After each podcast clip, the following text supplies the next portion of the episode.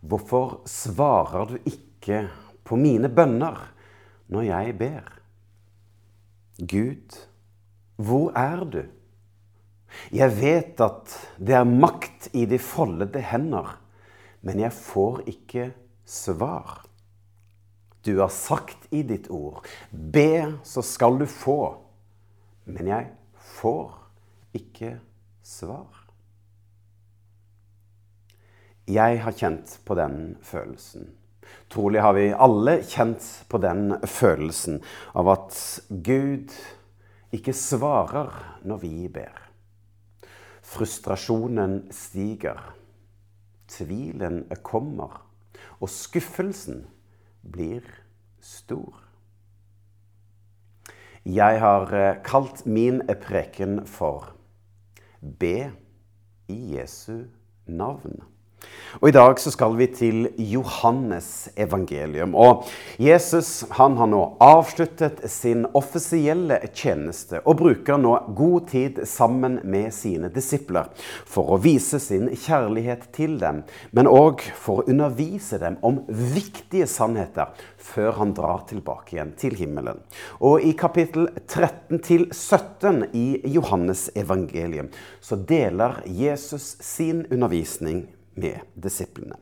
Og I dag skal vi lese ifra Johannes evangelium kapittel 14 og vers 12 14. Der står det Jeg forsikrer dere om at den som tror på meg, skal også kunne gjøre det samme som jeg har gjort. Jeg skal snart gå tilbake til Gud, min far. Men dere er fortsatt her på jorden, og derfor kan dere med Guds hjelp gjøre enda større ting enn det jeg har gjort. Den som tror på meg, kan be om hva som helst i mitt navn. Og jeg kommer til å svare dere. For uh, slik vil Gud bli æret og opphøyd gjennom meg. Dersom dere ber om noe i mitt navn, da skal jeg gjøre det. Troen på Jesus gjør at Gud virker gjennom oss. Og i Johannes evangelium så leser vi flere ganger at relasjonen mellom Faderen og Sønnen er et bilde på relasjonen mellom Sønnen og oss troende Guds barn. For når Den hellige ånd tar bolig i oss, så kan han virke i oss og gjennom oss med sin kraft, slik at vi kan gjøre større ting enn disse. Og det er ene og alene fordi at Guds kraft lever i oss. Og begrepet 'større gjerninger enn disse' er brukt da flere ganger i Johannes evangelium. Og i lys av misjonsbefalingen ja, fra Matteus 28 så er den kristne invitert til å ta del i Guds store verk i denne verden. For han gjennomfører en himmelsk redningsaksjon for å frelse verden. Og løfte som Jesus gir oss i vers 12 om å se større gjerninger enn disse, det handler ikke bare nødvendigvis om større gjerninger i verdi, men òg større verdi i omfang.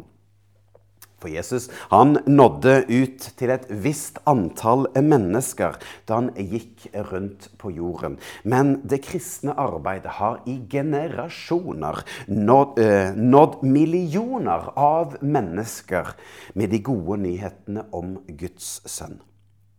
Og vi er vitne til at budskapet spres på en måte som man aldri, sett, aldri før har sett.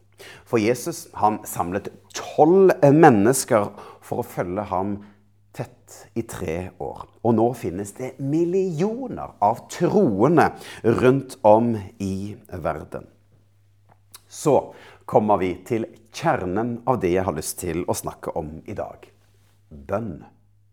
Det å be i Jesu navn Og Flere ganger så løfter apostelen Johannes opp dette med å be i Jesu navn. Ja, Her i kapittel 14, men òg i kapittel 15. Vi leste i teksten at dersom dere ber om noe i mitt navn, da skal jeg gjøre det. Og i kapittel 15 men de som holder seg til, mitt, til meg og mitt ord, kan be om hva de vil, og de skal få det. Men også i 1. Johannesbrev, kapittel 5, så står det Vår frimodige tillit og tro til Gud er dette. Dersom vi ber om noe som stemmer overens med Hans vilje, så hører Han på oss. Og når vi vet at Han hører oss, uansett hva vi ber om, så kan vi være overbevist om at Han allerede har gjort, gitt oss det før vi har bedt Ham om det hva enn vi ber om i Jesu navn, skal skje, lover Jesus. Men hva vil det da si å be i Jesu navn? Jeg vil si det slik. Å be i Jesu navn betyr å be i samsvar med Jesu person, oppdrag og hans vilje. Jeg skal si det en gang til. Å be i Jesu navn betyr å be i samsvar med Jesu person, hans oppdrag og hans vilje. For å be i Jesu navn betyr ikke å bare slå på en setning om at ja, vi spør i Jesu navn. For i Jesu navn betyr i henhold til Jesus, i henhold til hans nærvær, i henhold til hans kraft, i henhold til hans person.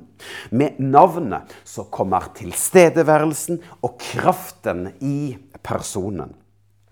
Å be i Jesu navn betyr å spørre etter Kristus selv, etter hvem han er, hva han har, og hva han gjør.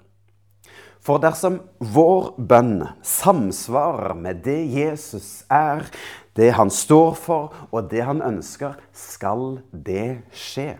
Fordi det gir Gud ære. Og i de neste kapitlene i Johannes evangelium, kapittel 16 og 17, så utdyper Jesus mer av samme tema. For å be i Jesu navn er ikke et trylleformular som gir oss fullmakt til å kreve hva vi enn ber om i eget ønske. Vår bønn må være rotfestet i Hans vilje. For slik som Faderen har gitt autoritet til Sønnen i å gå i tjeneste på vegne av ham, så er også den troende under Sønnens autoritet og handler på vegne av ham. For vårt liv og våre bønner må derfor være i overensstemmelse med Guds vilje.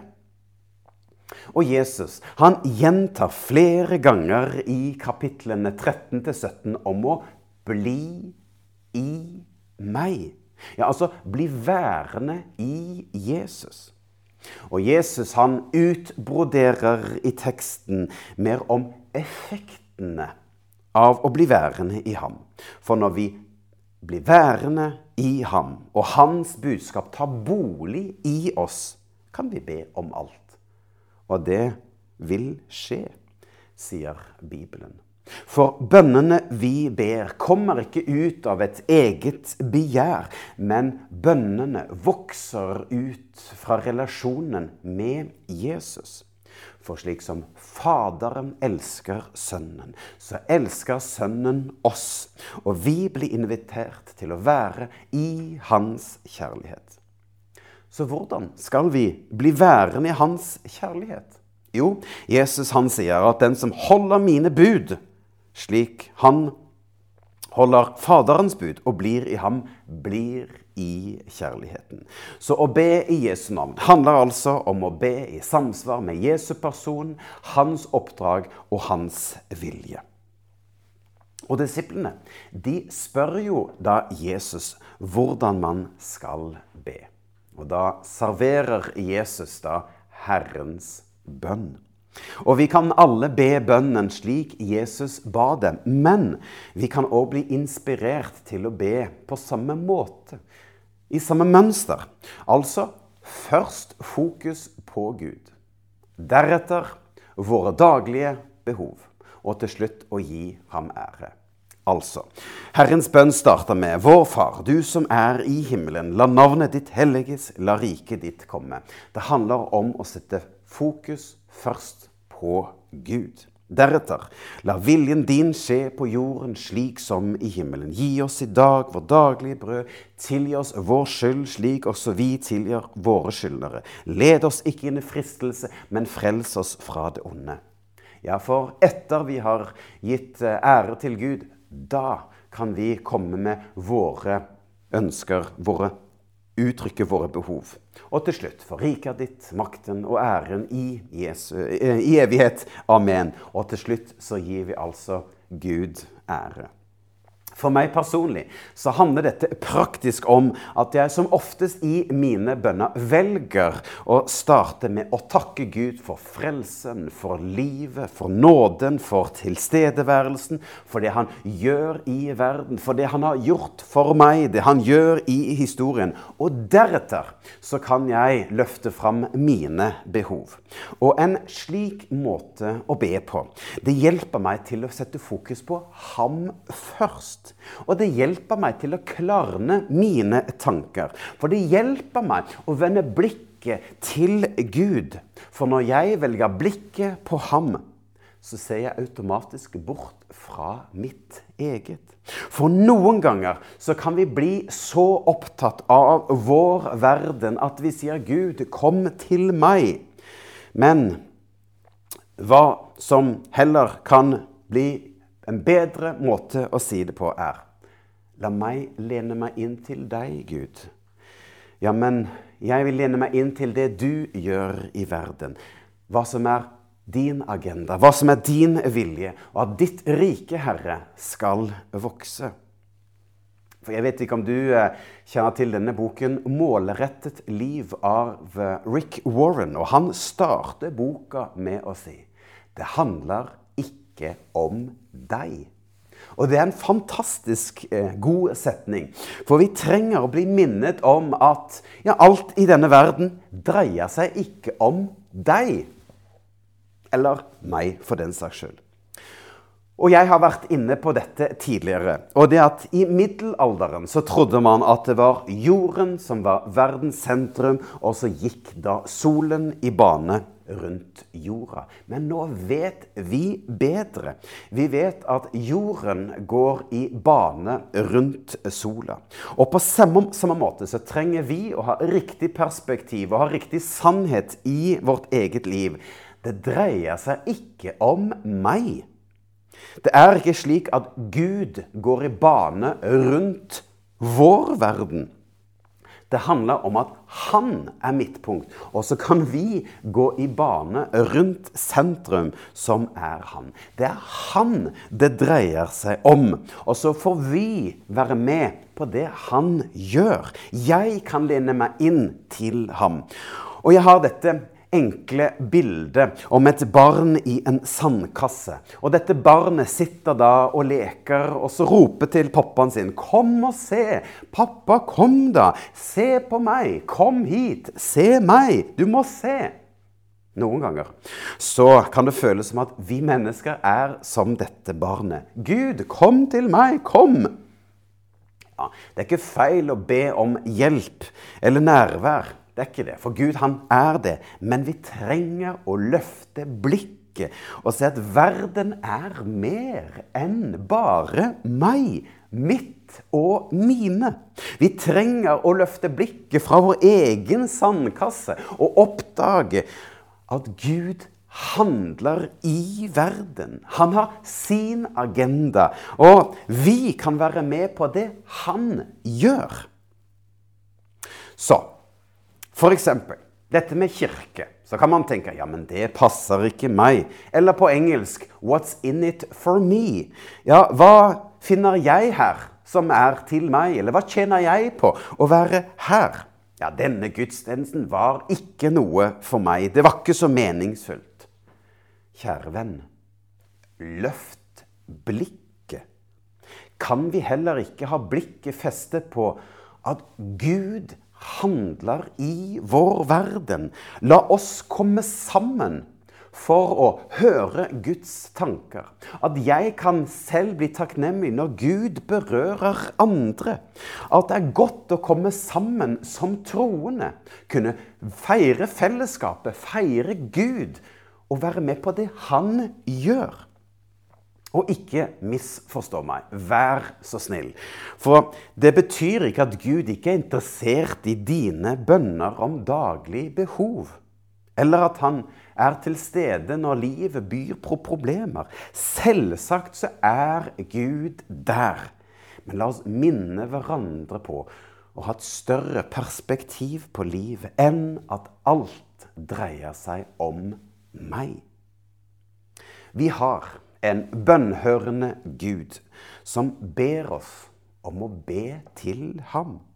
At vi skal kaste våre bekymringer på ham, fordi han har omsorg for oss.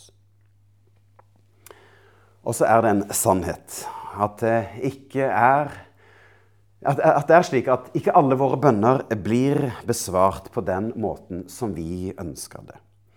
Og eh, som eh, vi har eh, vært inne på, så handler det om at vi kan koble oss på verden, hans verden og bli i ham. Men samtidig så lever vi et spenn i denne verden om at Guds rike allerede har kommet, men ennå ikke har kommet til sitt fulle. Og dette spennet, det lever vi i inntil Jesus kommer igjen. Altså, vi lever i en verden hvor Gud virker, men det finnes også andre krefter mellom himmel og jord.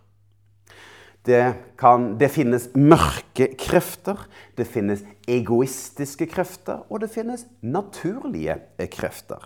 Hva mener jeg? Jo, Bibelen taler om at den onde er ute for å stjele, myrde og ødelegge. Og han ønsker å dra oss bort fra det gode som Gud har for våre liv. Men ved siden av onde krefter så finnes det egoistiske krefter, men også naturlige krefter. For egoistiske krefter er når vi blir så opptatt av oss selv og alt vi ønsker å oppnå, og det vi kan være. Og det er ikke den onde som står og drar i oss. Og, men det er det menneskelige i oss som stadig vender blikket tilbake til vår egen lille sandkasse. Og egoisme kan være med å hindre at bønnene våre blir besvart. Og så nevnte jeg òg at det finnes naturlige krefter. Ja, jeg mener at kroppen den forfaller. Sykdommer kommer, død kommer. Ja, det er forfall. Og dette er da ikke noe den onde står og drar i. For dødsfall, det skjer. Lidelse, det kommer. Og det er en del av den verden vi lever i.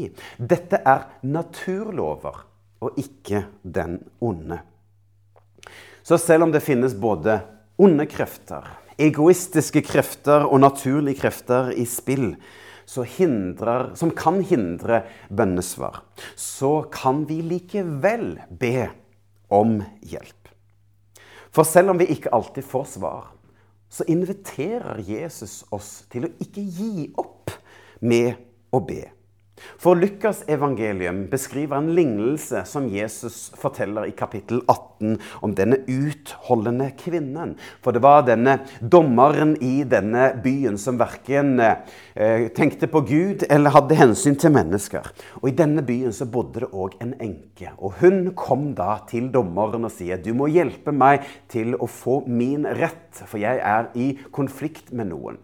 Men denne dommeren ville ikke bry seg om denne kvinnen. Men hun ga seg ikke. Stadig så kom hun foran dommeren og sier, 'Du må hjelpe meg. Jeg står i konflikt. Jeg må ha min rett.' Og da sier da dommeren til slutt, 'Greit, jeg skal hjelpe deg.' Ikke fordi jeg er opptatt av Gud, ikke fordi jeg er opptatt av mennesker, men fordi at du plager meg. Ikke gi opp, sier Jesus i våre bønner. Ikke gi opp. For Matteus evangelium sier det Jesus sa, at når dere ber, så skal du ikke be mange ord eller meningsløse gjentakelser. Slik ber de som ikke kjenner Gud, for de tror de får svar på sine bønner pga. sine fine ord. Ikke vær som dem, for Gud er deres far, og han vet om alt det dere trenger, til og med før dere ber ham om det. Og så fortsetter Jesus i eh, kapittel 7, hvor han sier, be så skal dere få. Let, og dere skal finne. Bank på, og det skal bli åpnet opp for dere. For hver den som ber, han skal få. Og den som leter, han skal finne. Og den som tar initiativ og banker på, skal det bli åpnet for. For hvem av dere som er foreldre, ville ha gitt sin sønn en stein når han ber om brød, eller gitt ham en slange når han ber om en fisk? når selv dere mennesker, onde som dere er, gir barna deres det de ber om. Hvor mye mer skal ikke da deres kjærlige Far i himmelen gi gode ting til dem som ber han om det? Så la meg lande i dette at Gud er vår himmelske Far som ønsker å gi oss gode gaver. Vi har fått et privilegium som troende å komme til Gud i bønn, og han har lovet å gi oss svar når vi ber i Jesu navn. Be, så skal du få. Så la oss holde håpet høyt oppe om at vi har en Gud som vi kan be til, og som har lovet å svare på våre bønner. La oss tro det Bibelen sier om at vi fremdeles skal få lov til å oppleve tegn, mirakler og under i vår tid. Ja, la oss be i samsvar med Jesu person, oppdrag og vilje. Og la oss lene oss inn til det Han gjør i vår verden. I Jesu navn. Amen.